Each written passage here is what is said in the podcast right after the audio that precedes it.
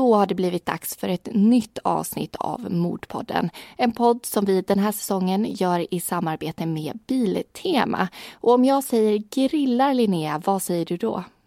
Oj, eh, jag tänker faktiskt direkt på en scen ifrån tv-serien Solsidan eh, där de pratar om kolgrillar versus gasolgrillar och vad som egentligen är bäst.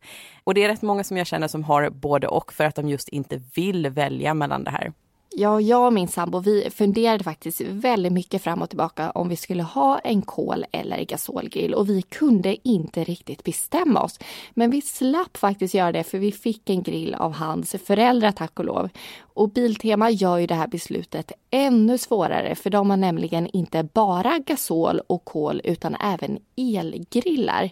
Så dit kan man såklart gå och fråga personalen om fördelar och nackdelar med respektive grill om man inte själv har så bra koll på det här. Och har man redan en grill och tillbehör så finns det massa annat som man kan kika på för Biltema de har ju nästan till allt i sina affärer. Och med det sagt så hoppar vi in i veckans avsnitt.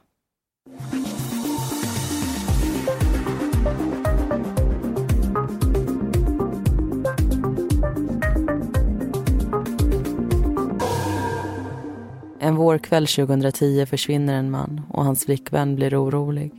Hon ringer runt till vänner, familj och bekanta men ingen har sett eller hört något från honom. Dagen därpå hittas hans bil på ett före detta militärområde i utkanten av Sundsvall. Det är kallt utomhus och snö ligger på backen. I bilen sitter mannens hund. En hund han aldrig skulle ha lämnat där. Flickvännen får en känsla i maggropen att något hemskt hänt. En dag senare förverkligas hennes farhågor när en kropp hittas i skogen. Utredningen kommer bli långdragen och innehålla avlyssning, anonyma källor, nazistspår och en motorcykelklubb.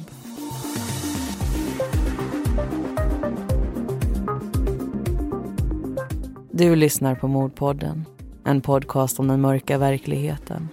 I veckans avsnitt ska du få höra berättelsen om Klissbergsmordet.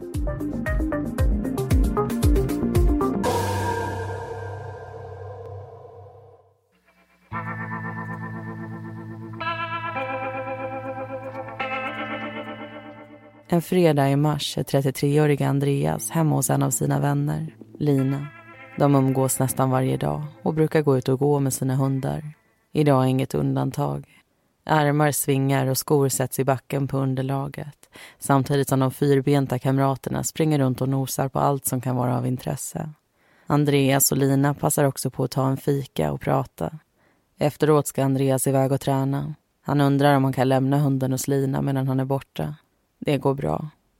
När klockan är runt sex på kvällen dyker han upp vid Drakstaden i Sundsvall. Hans bror står och väntar och tillsammans går de vidare till en träningslokal för thaiboxning. Under passet spelas det musik i högtalare medan svetten rinner. Mot slutet ringer det i Andreas telefon. Han plockar upp den och går in i omklädningsrummet för att svara. Hans bror hade hoppats på skjuts därifrån men när Andreas kommer ut så säger han att det inte går. En sak har kommit upp och han måste iväg och träffa någon.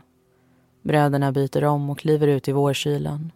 De står ett tag och väntar tillsammans. Sen säger Andreas hej då, sätter sig i bilen och kör in mot centrum. Brorsan börjar gå hemåt. Han vet inte vart Andreas är på väg eller vem han ska träffa.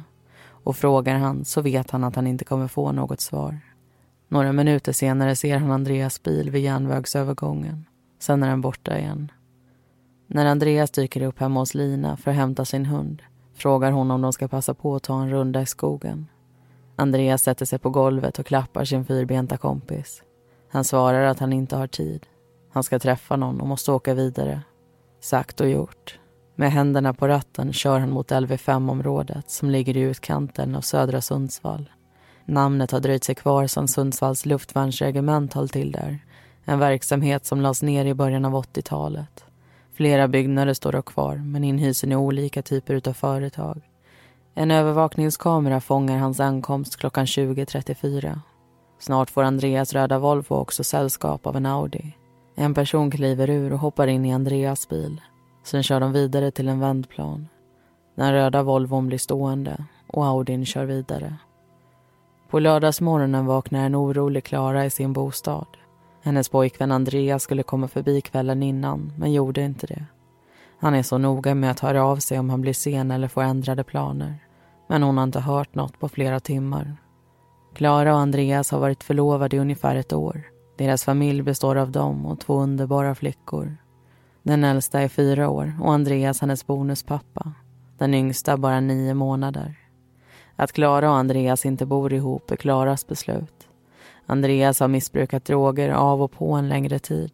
Han har varit på behandlingshem men hon vågar inte lita på att det verkligen är över. Klara ringer runt till hennes och Andreas vänner och bekanta. Hon pratar också med Andreas familj. Ingen vet vart han är.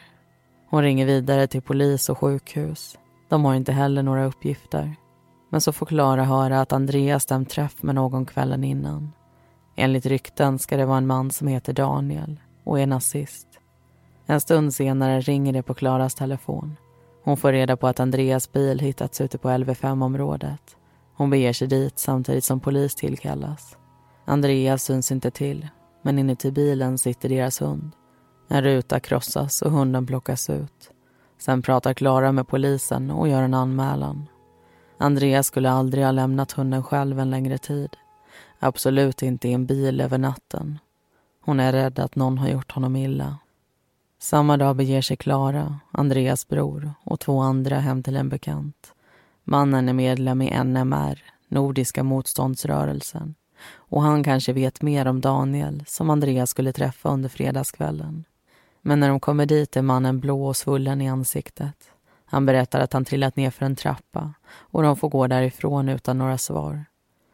På söndagen kör ett par ut mot Kolstabordarna och Klissberget. De parkerar in till E14, plockar ur sin hund och går därefter inåt längs en skogsväg. Hunden får springa lös medan de vandrar fram till en vändplan. På backen ligger ett lager snö och in till vänster ser de ett skoterspår. De bestämmer sig för att vandra vidare på den packade snön. De ropar på hunden som tycks ha hittat något intressant in till höger. Mannen ser fotspår i snön. Efter ett tag försvinner de. När de har gått en bit kommer hunden efter. Men så blir snön för djup. De sjunker igenom och bestämmer sig för att vända. Hunden rusar tillbaka till samma ställe som sist. Nosar och undersöker. Kvinnan springer fram och tar tag i halsbandet. Hon är rädd att det är något djurkadaver eller något annat som hunden inte borde stoppa i munnen. Men det är inget djur. Ett skrik hörs och sen ett till. Andra gången skriker kvinnan att det är ett lik.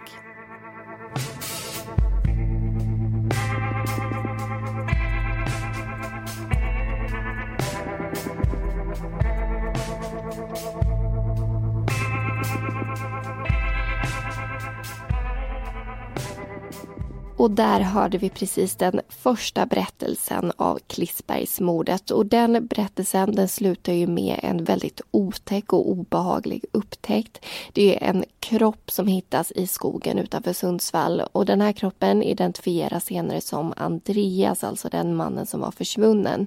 Andreas var förlovad med Klara och biologisk pappa till en flicka och bonuspappa till en annan.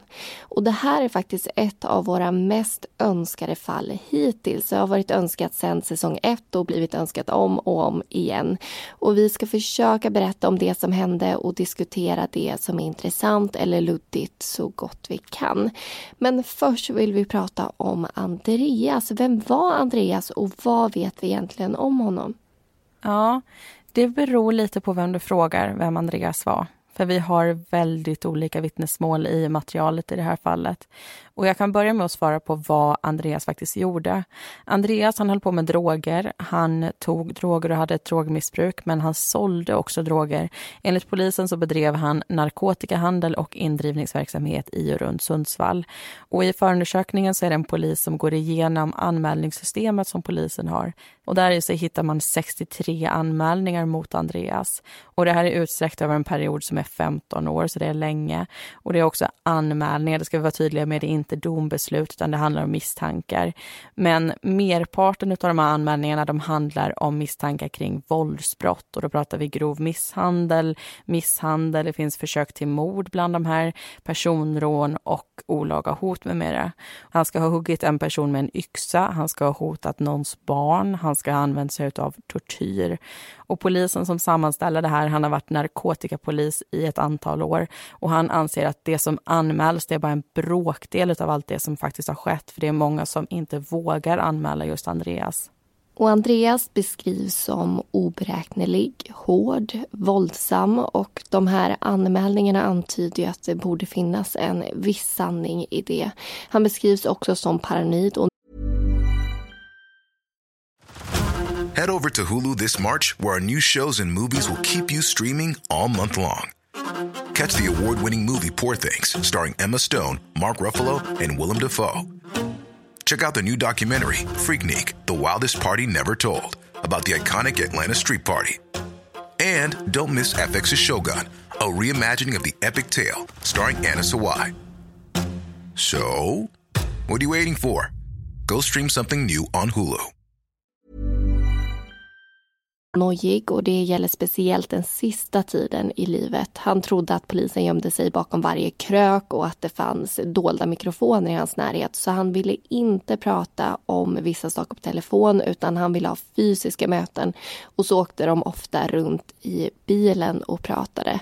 Han tränar också kampsport, bland annat thaiboxning och han var riktigt duktig på det här och han behövde inte vapen utan hans kropp var ett vapen. Så beskrivs det i förundersökningen. Sammanfattningsvis så var Andreas en person som många försökte undvika och som man absolut inte vill ha som ovän. Mm. Men någon vecka efter att han har dött så beskrivs han ju på ett helt annat sätt. Hans pappa han skriver en text i Sundsvalls tidning under dödsfall och han berättar helt enkelt om sin son. Han berättar om hur Andreas var som liten, hur han älskade sport, hur han älskade träning, hur han blev bra på allting som han tog sig för. Och sen senare i livet hur han tog snedsteg men att han också ville ändra sig. Han ville gifta sig med Klara, han ville vara en pappa till deras barn. Och det var liksom det som var det viktigaste. Familjen, det var allt för honom. Han oroade sig, han hjälpte till, han skämde bort dem och han ville börja om med fokus just på dem. Och han och pappan de hade också planerat att jobba tillsammans, står det i den här texten. För Andreas han skulle lämna drogerna bakom sig. Men den här drömbilden blev ju aldrig verklighet för Andreas blev bara 33 år.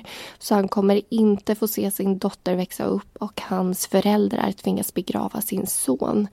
Oavsett vad han gjort så är det något hans anhöriga aldrig skulle behöva gå igenom. Och vi ska byta spår lite grann.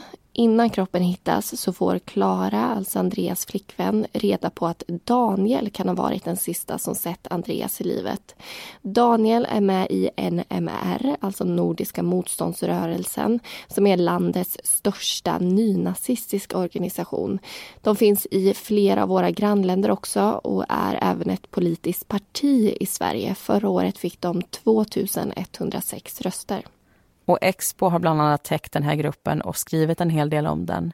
Bland annat att 2015 så hade ungefär en fjärdedel av alla NMRs medlemmar begått våldsbrott och över hälften de var dömda för någonting. Och vi ska säga som så att Andreas, han är inte nazist, det är inte så någon beskriver honom i den här förundersökningen.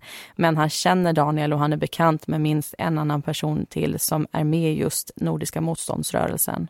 Och 2010 så kallades det för SMR, Svenska motståndsrörelsen, men det ändrades på senare år. Och Daniel ska vi höra mer om alldeles strax, men först ska vi berätta lite kort och kort om våra planer i sommar och resten av året också. Ja, vi kommer ta ett sommaruppehåll men vi är inte lediga för det utan kommer jobba på för att kunna ge er två längre höstsäsonger. Men vill man inte vänta, ja det finns ju avsnitt hos Podmi. Där kommer vi fortsätta komma ut med ett nytt fall varje månad och det finns faktiskt redan fem avsnitt där att lyssna på. Mm, och då är sommaren räddad. Och det senaste det handlade om en man som dömdes 1994 till livstidsfängelse. Men efter flera år så får han resning i det här fallet. Och vill du lyssna på det så skapa ett konto på podmi.com eller i podmi appen Första månaden så lyssnar ni helt gratis. Och sen vill vi också påminna er om att gärna följa Mordpodden på sociala medier så ni vet när vi är igång igen med höstsäsongen. Men nu ska vi tillbaka till dagens fall och hoppa in i en BPU, alltså en brottsplatsundersökning. Den här veckan vill vi passa på att tacka Kids Brand Store. En butik både på nätet och i flera städer som säljer kläder till barn och ungdomar och som har allt ifrån badkläder, klockor till jackor, träningstights och vardagskläder. Och nu har de ju fyllt på med sommarkläder också så man kan känna sig redo inför de här månaderna som kommer. Och kikar man under varumärken som Gant så har de shorts, linnen, t-shirts och någonting har de också som jag tycker är extra fint och det är vita jeans. Det är ju inte sådär jättepraktiskt plagg att ha på sig, speciellt inte om man är som jag, och man dras till smuts. Men för mig är såna byxor, alltså vita jeans, lika med sommar. Och även om dagarna i sommar blir väldigt varma, kanske som förra sommaren, så brukar det alltid vara rätt kyligt om kvällarna. Och då har till exempel Ralph Lauren ett gäng härliga hoodies och långärmade tröjor. Och ska du handla något så får du inte missa att använda rabattkoden Modepodden. Då får du 20% rabatt på ordinarie pris. Så tack Kids Brandstore!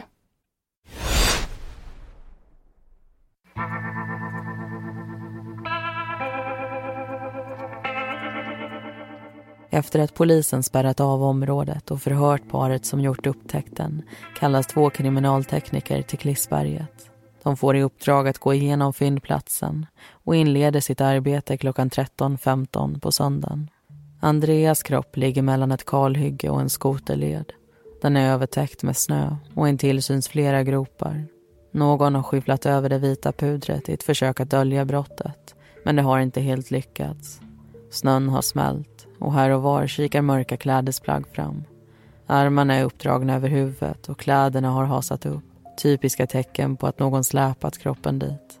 Vilket betyder att brottsplatsen finns någon annanstans. Ungefär 19 meter bort, vid en vändplats, finner man den.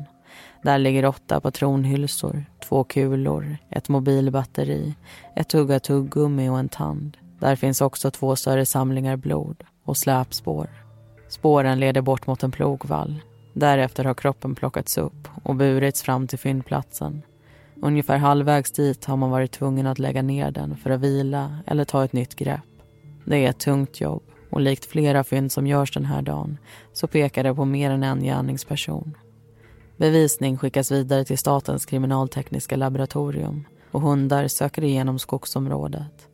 Man återvänder dit flera gånger hittar packtejp och söker med metalldetektorer. Kroppen förs till Sundsvalls sjukhus och identifieras. Därefter ska den ner till Uppsala för en utvidgad rättsmedicinsk obduktion. Åtta skott har träffat i bland annat mage, rygg och huvud.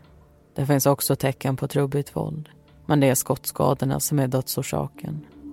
Fynden från de båda undersökningarna leder till ett par slutsatser. Andreas har troligen blivit skjuten på ungefär en till tre meters avstånd. Flera vapen har använts och man har skjutit många skott. Det hela klassas som en avrättning. Samtidigt som de tekniska utredningarna pågår hålls förhör. Polisen vill så snabbt som möjligt få tag i personer som kan ha sett något eller vet något om det som hänt. Man pratar med Andreas flickvän, familj och vänner. Ett av de ord som tycks beskriva Andreas bäst är hemlig. När det kommer till hans verksamhet berättade han väldigt lite. Familjen ville han hålla utanför den världen. Skydda. Klara har aldrig sett honom med något typ av vapen. Men hon vet att han hade en skottsäker väst. Hon vet också att han har varit i bråk med ett antal personer. Men inte vad det handlade om. Hon berättade också för polisen om Daniel och att han verkar vara den sista som har sett Andreas i livet. Den 27 april kallas Daniel in till förhör. Han delges misstanke för medhjälp till mord. Polisen frågar om han vill ha en advokat närvarande. Det går bra utan, svarar han.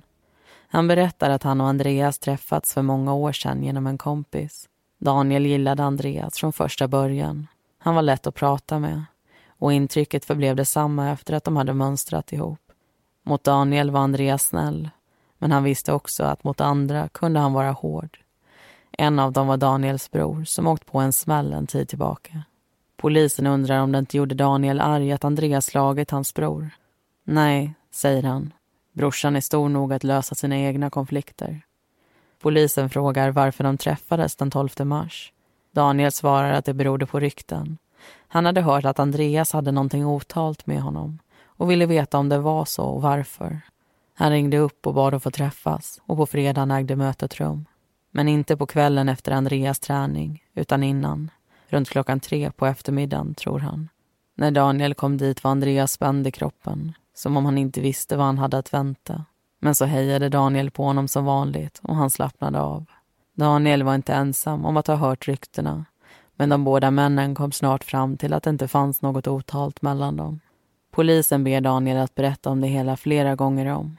Detaljerna förblir de samma han tycks inte ha varit involverad i mordet på Andreas. Däremot kommer han med information som ska leda dem vidare. Daniel berättar att Andreas bad honom om en tjänst den här dagen. Han ville köpa ett skjutvapen. Daniel hade hört rykten om att Andreas gjort sig ovän med personer i en lokal mc-grupp. Han vet inte om det var därför han ville ha tag i ett vapen. Men Andreas tyckte vilja vara förberedd för något. Daniel ger polisen namnet på mc-gruppen och säger att han inte sålde något vapen till Andreas. Han är kunnig inom området men har inga licenser längre och därmed inga vapen. Och även om han kunde få fram en pistol så skulle han inte lägga den i händerna på någon som Andreas. Sist men inte minst frågar polisen om Daniel sett övervakningsfilmen med bilarna från LV5-området. Klippet hade sänts i ett av programmen av Efterlyst. Daniel svarar ja. Han känner igen Andreas röda Volvo och tycker att den andra bilen ser ut som en Audi. En sån som Robin, Andreas bästa vän, har. Millions of people have lost weight with personalized plans from Noom. Like Evan, who can't stand salads and still lost 50 pounds. Salads generally for most people are the easy button, right? For me, that wasn't an option. I never really was a salad guy. That's just not who I am. But Noom worked for me. Get your personalized plan today at Noom.com. Real Noom user compensated to provide their story. In four weeks, the typical Noom user can expect to lose one to two pounds per week. Individual results may vary. Daniel får gå hem och polisen fortsätta sin utredning. De har redan varit i kontakt med en bilförsäljare och Transportstyrelsen. Fått reda på att bilen troligtvis är en Audi A3, årsmodell 2006 eller senare, och en så kallad sportsback. De har också plockat ut uppgifter om hur många sådana bilar som finns i landet och länet. Nu har de en möjlig koppling till någon i Andreas närhet. Robin och Andreas träffades första gången för över tio år sedan. Men det var inget trevligt första möte. De befann sig på samma fest när Andreas hoppade på en av Robins vänner. Robin gick emellan och Andreas gav honom ett kokstryk. Dagen därpå ringde Andreas upp honom och ville träffas och be om ursäkt. Robin gick med på det och dök upp på utsatt tid. Det var tillräckligt för att imponera på den två år äldre Andreas. De flesta som såg hans våldsamma sida valde att undvika honom, men inte Robin. De kommande åren började de sälja droger tillsammans. Något som utvecklades till en verksamhet där de både blev affärspartners och vänner. Ibland var det intensivt och de fick ligga lågt för att undvika polisen. Men det funkade inte alltid och när den ena satt i fängelse skötte den andra affärerna. När Andreas dotter föddes var det Robin som blev hennes gudfar. En av de saker som Robin uppskattar mest med Andreas är hans lojalitet. Han vill ta hand om människorna i sin närhet och tar ofta på sig andras problem. Men han har också mindre fina sidor. Andreas kan bli jättearg och när det händer sprider sig ett obehag i Robins kropp. Tiden innan han försvann gick det dåligt med affärerna. Andreas hade blivit mer och mer paranoid och orkade inte med jobbet. Robin var då den som fick dra det tunga lasset. En av dem som märker att det är tufft är Marcus. Marcus är en av Robins närmaste vänner. De lärde känna varandra på gymnasiet, gled isär när Robin började med droger och hittade tillbaka till varandra för några år sedan när de blev grannar. När Marcus blev utbränd kändes det som att hans liv gick i spillror. Han hade haft allt han kunde drömma om. Ett bra jobb, en stadig inkomst och många vänner. Men det förändrades. Han blev asocial, missbrukade droger och spelade bort pengar. En av de få som var där i vått och torrt var Robin. De umgås fortfarande ofta och mycket. Spelar tv-spel, pratar och äter middag tillsammans med flickvännerna. Mira och Evelina är också de bra vänner. När killarna gör något annat har de inga problem att umgås på tu hand. Ibland lägger de dock märke till att Robin och Marcus drar sig undan. Viskar om saker de inte vill att de ska höra. En tid efter mordet på Andreas går Evelina och Marcus skilda vägar. De har varit tillsammans i ungefär två och ett halvt år men den senaste tiden har det gått ut för. Förhållandet har blivit sämre och de har glidit isär. Mellan Robin och Mira har det också uppstått klyftor. Robin har betett sig underligt, gråtit i badrummet och varit helt förstörd efter mordet på Andreas. Månader passerar och 2010 blir 2011. Ingen har ännu dömts för mordet. I november stöter Evelina och Marcus ihop på en bar. Evelina tycker att expojkvännen ser både full och påverkad ut. Hon har aldrig sett honom så tidigare. Marcus säger till henne att han mår dåligt, att det är kört för honom. Han har tårar i ögonen och Evelina undrar hur hon kan hjälpa honom. Det finns ingenting som hon kan göra, menar Marcus. Sen säger han som det är. Det är han som har skjutit Andreas.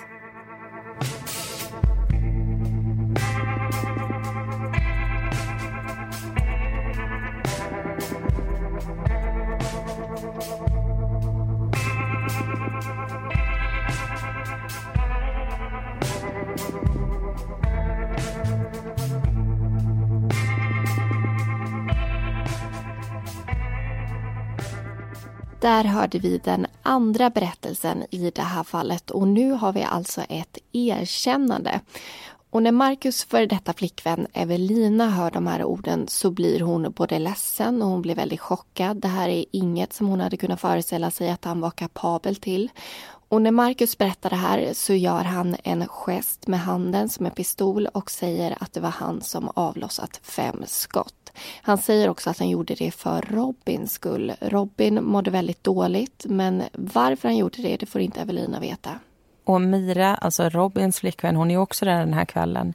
Hon hör inte vad det är som sägs, men när hon kommer fram till det här före detta paret så vänder ju Marcus humör.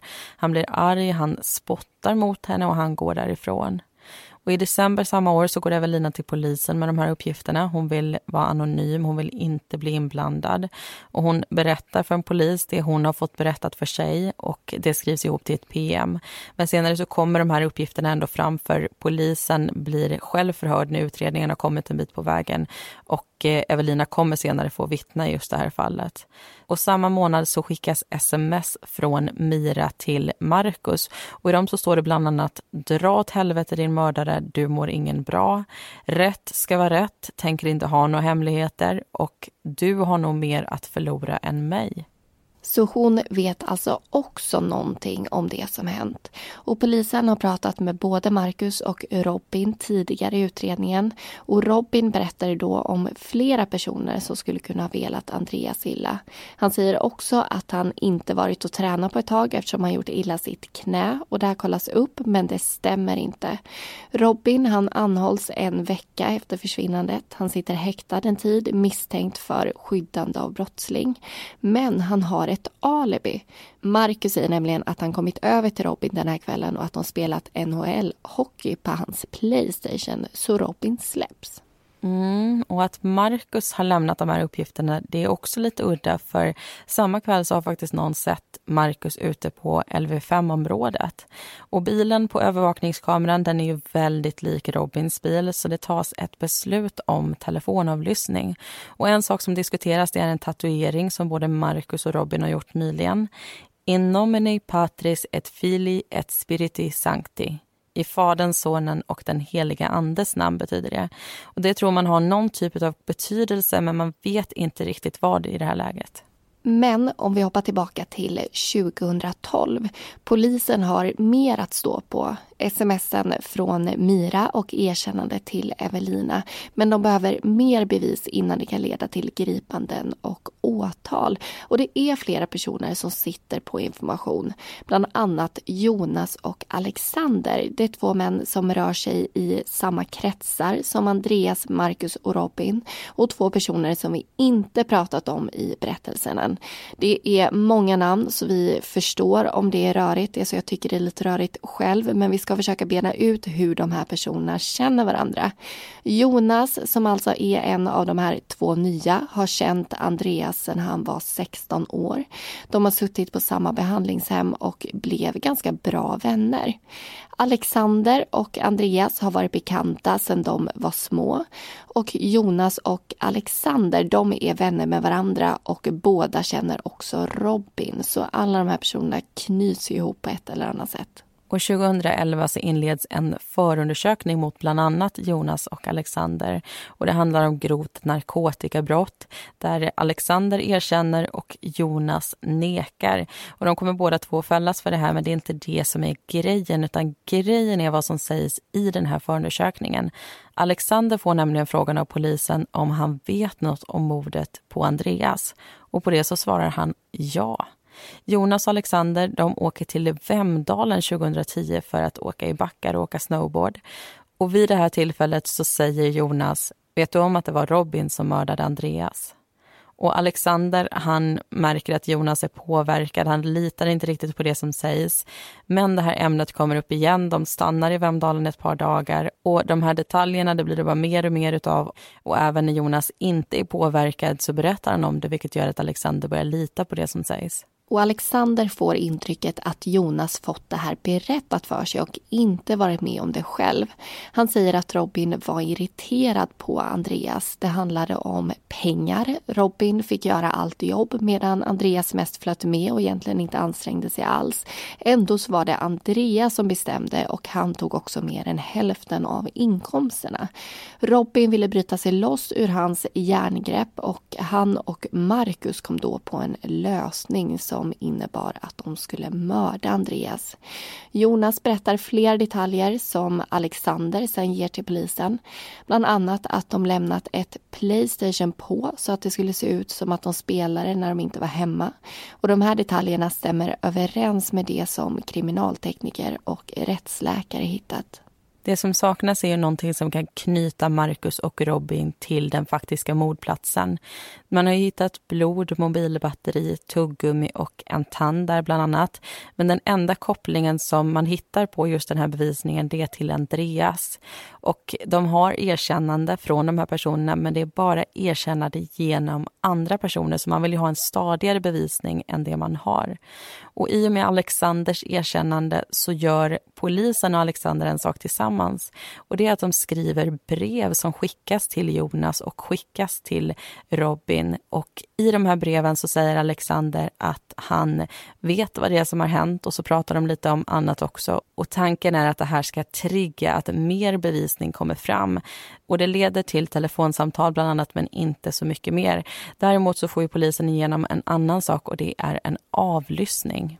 Och det handlar alltså om hemlig rumsavlyssning hos Marcus. Det får bara användas vid förundersökning av brott som innebär fängelse i minst fyra år. Och någon måste också vara skäligen misstänkt för att det här ska ske, alltså den lägre misstankegraden. Den 12 maj så är Mira, alltså Robins flickvän, hemma hos Marcus och då kom det fram en hel del intressanta saker. Mm, och vad det är det ska vi gå in på i nästa berättelse. Innan vi kommer dit så ska vi prata om skyldig? frågetecken. Det här är en podd som görs av två försvarsadvokater och som man hittar på bland annat Radio Play. Jag kan säga att jag tycker om att lyssna på poddar som handlar om brott. Det tror jag ni förstår om ni lyssnar på den här podden. Och jag tycker också om poddar där man lär sig någonting nytt. Och det gör man verkligen när man lyssnar på den här podden. De släppte ett avsnitt den 13 maj som handlar om Bobby. Det här var ett fall som vi tog upp i vår första säsong och som många av er tyckte och tänkte en hel del kring, hörde av er till oss om. Och en av de sakerna som ni tyckte och tänkte kring, det var varför ingen dömdes för mord i det här fallet. Och just det förklarar de här advokaterna på ett väldigt bra sätt. De bryter ner och de ger exempel och det är så bra tycker jag när det handlar om krångliga och eh, ja, men lite svårförstådda ämnen. Och vill man höra om något mer aktuellt så har de också ett avsnitt om Erik Torell som sköts till döds av poliser förra sommaren. Men innan ni hoppar vidare till det fallet får ni gärna lyssna klart på Klissbergsmordet. Nu ska vi få höra mer om avlyssningen.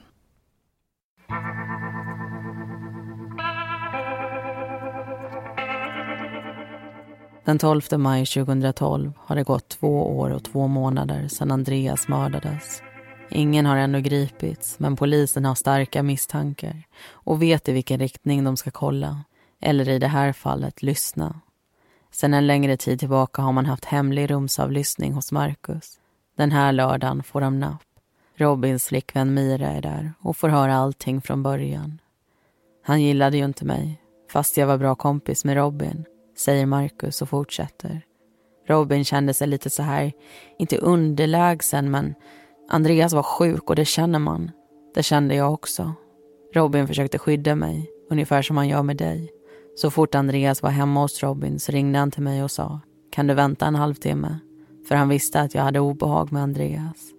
Men han måste ha litat på Robin jävligt mycket, säger Mira. Ja, han gjorde det, svarar Marcus. Marcus berättar hur de hämtade upp Andreas den kvällen. Hur Andreas självmant la sig i baksätet för att han inte ville bli sedd av någon. Han var nojig, vet du. Det var ju tur för oss. Sen berättar Marcus hur han och Robin hade tränat varje dag inför mordet. Blivit drogfria bara för att göra det. Alla losers typ som gör rån och de är påverkade. Vi vill inte vara påverkade. Sen säger Marcus. Jag sköt han först. Delar av samtalet är mindre intressanta och här och var faller ett eller flera ord bort. I bakgrunden hörs en tv och andra ljud som gör det svårt att lyssna. Marcus berättar att han var den lugna och att Robin sa att vad som än händer så skulle han inte behöva oroa sig för pengarna. Han berättar att han efter mordet drog därifrån och slängde någonting i det strömmande vattnet intill en bro. Var han stark eller? frågar Mira. Marcus svarar. Ganska tung. Vägde 80 kilo. Visste vi ju, det var därför vi tränade och var friska. För vi skulle orka bära en kropp som var så pass tung. Mira undrar om de bar honom och Marcus svarar ungefär 20 meter. Sen täckte de över kroppen med snö. De går vidare till att prata om Flashback, att det finns 500 sidor av diskussioner och att Marcus namn inte förekommer så ofta. Mira har fått reda på att Robin misshandlat folk. Hon säger att hon inte visste att han var sån. Marcus menar att det är en självklarhet. Att Robin varit en drogmissbrukare. En riktigt härjad drogmissbrukare. Sen kommer de in på tatueringarna och filmen Boondock Saints. Det är därifrån det kommer. In nomine patris et fili spiritus sancti, säger Marcus. Två dagar senare sitter Marcus, Robin och Jonas anhållna. Ingen säger sig ha något med mordet på Andreas att göra, men åklagaren har en egen teori. Filmen Boondock Saints handlar om två män som tillsammans mördar onda människor. Deras motto är att de ska utrota ondskan. Åklagaren berättar i huvudförhandlingen att filmen varit en inspirationskälla till mordet. Robin och Marcus hade tittat på den och tagit efter flera saker. Precis som i filmen handlar mordet på Andreas om en avrättning på nära håll där offret inte är oskyldigt. Och den latinska frasen de tatuerat in är ord som sägs när filmens mördare begår sina brott. Åklagaren berättar att Andreas och Robin var affärspartners. Men trots att Robin gjorde merparten av jobbet så var det Andreas som tog merparten av pengarna. Han var oberäknelig och våldsam. Robin ville dra sig ur men vågade inte. I februari eller mars 2010 kokade han och vännen Marcus ihop en plan. De började planera Andreas mord. För att göra det ordentligt och komma undan med brottet såg de till att träna flera gånger i veckan och sluta med droger. De skaffade varsin pistol, rakade sig på kroppen och tejpade sina kläder för att inte lämna några spår. I Robins lägenhet satte de på ett tv-spel för att skapa sig ett alibi. Sen åkte de för att träffa Andreas. Andreas beskrivs av flera personer i utredningen som paranoid och nojig. Det var egentligen bara en person Andreas litade på och det var Robin. Att det är hans bil som Andreas sätter sig i den här fredagen blir därmed det enda sannolika. De kör ut till mötesplatsen i skogen. Enligt åklagaren sitter redan Jonas där i sin egen bil. Hans jobb är att agera vakt. De tre männen kliver ur bilen och skotten avlossas. Kroppen flyttas och de åker därifrån till Alstaforsen i Ljungan. Mordvapnen slängs i. En slutsats som dras utan att vapnen hittats. Sen åker man vidare. Efter skogskörningarna är bilarna skitiga. Klockan 21.27 skrubbas Jonas bil ren på en mack och dagen därpå köper Robin och Marcus biltvättmedel. Ingen av de åtalade har ett alibi för mordet. Det Marcus sagt från början om att han och Robin spelade tv-spel har han tagit tillbaka. Genom en kartläggning visar åklagaren hur många samtal de två vännerna ringt till varann dagarna kring mordet. Under tisdagen är det 100 gånger, på onsdagen 70, torsdagen 20 och under morddagen 78 samtal. På fyra dagar har de pratat i telefon 268 gånger. En siffra som inte alls är ovanlig om man frågar dem själva. Men ser man på statistiken så visar det motsatsen. En annan sak som framgått är att Marcus spelat bort 10 000 kronor som var Robins. Och i rumsavlyssningen berättar Marcus att Robin vid mordet sagt att han inte längre skulle oroa sig över pengarna. Trots den stora mängden bevisning fortsätter alla att neka. Jonas säger att han inte var där. Robin att han inte har något med mordet att göra. Och Marcus att det var Robin som ensam dödat Andreas. Att han erkänt det beror på drogmissbruk och för att han ville verka tuff och cool. Men tingsrätten tror inte på det argumentet. Det finns för mycket som pekar i en annan riktning. Marcus döms till 16 års fängelse, en dom som står fast även i hovrätten. Robin döms till 13 och ett halvt års fängelse, vilket hovrätten skärper till 14 år. Jonas frias på alla åtalspunkter. I och med Andreas död försvann en spelare i narkotikavärlden. En man många var rädda för och inte kommer sakna. En man som använde våld för att få igenom sin vilja och vars namn förekom i 63 polisanmälningar. Men Andreas var inte bara sån. Han var också en man som själv fallit ner i drogernas träsk. En person som försökte ta hand om sin familj, såg fram emot sitt och Klaras bröllop och ville se sin dotter växa upp. När hon kom förändrades allt. Men det går inte att sudda ut sina misstag och sitt förflutna. Och till slut kom Andreas liv ikapp honom.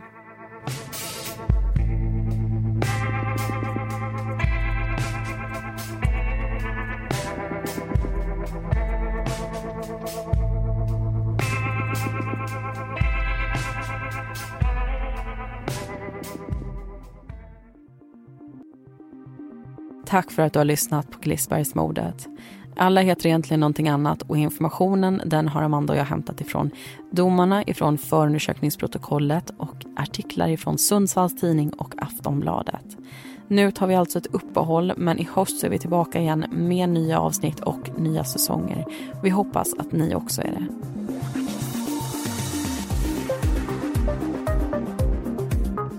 Vi som gör Mordpodden heter Linnea Bolin och Amanda Karlsson. Bakgrundsmusiken består av låtarna Lasting Hope, Lightless Dawn och Soaring av Kevin MacLeod samt Deep Space av Audionautics.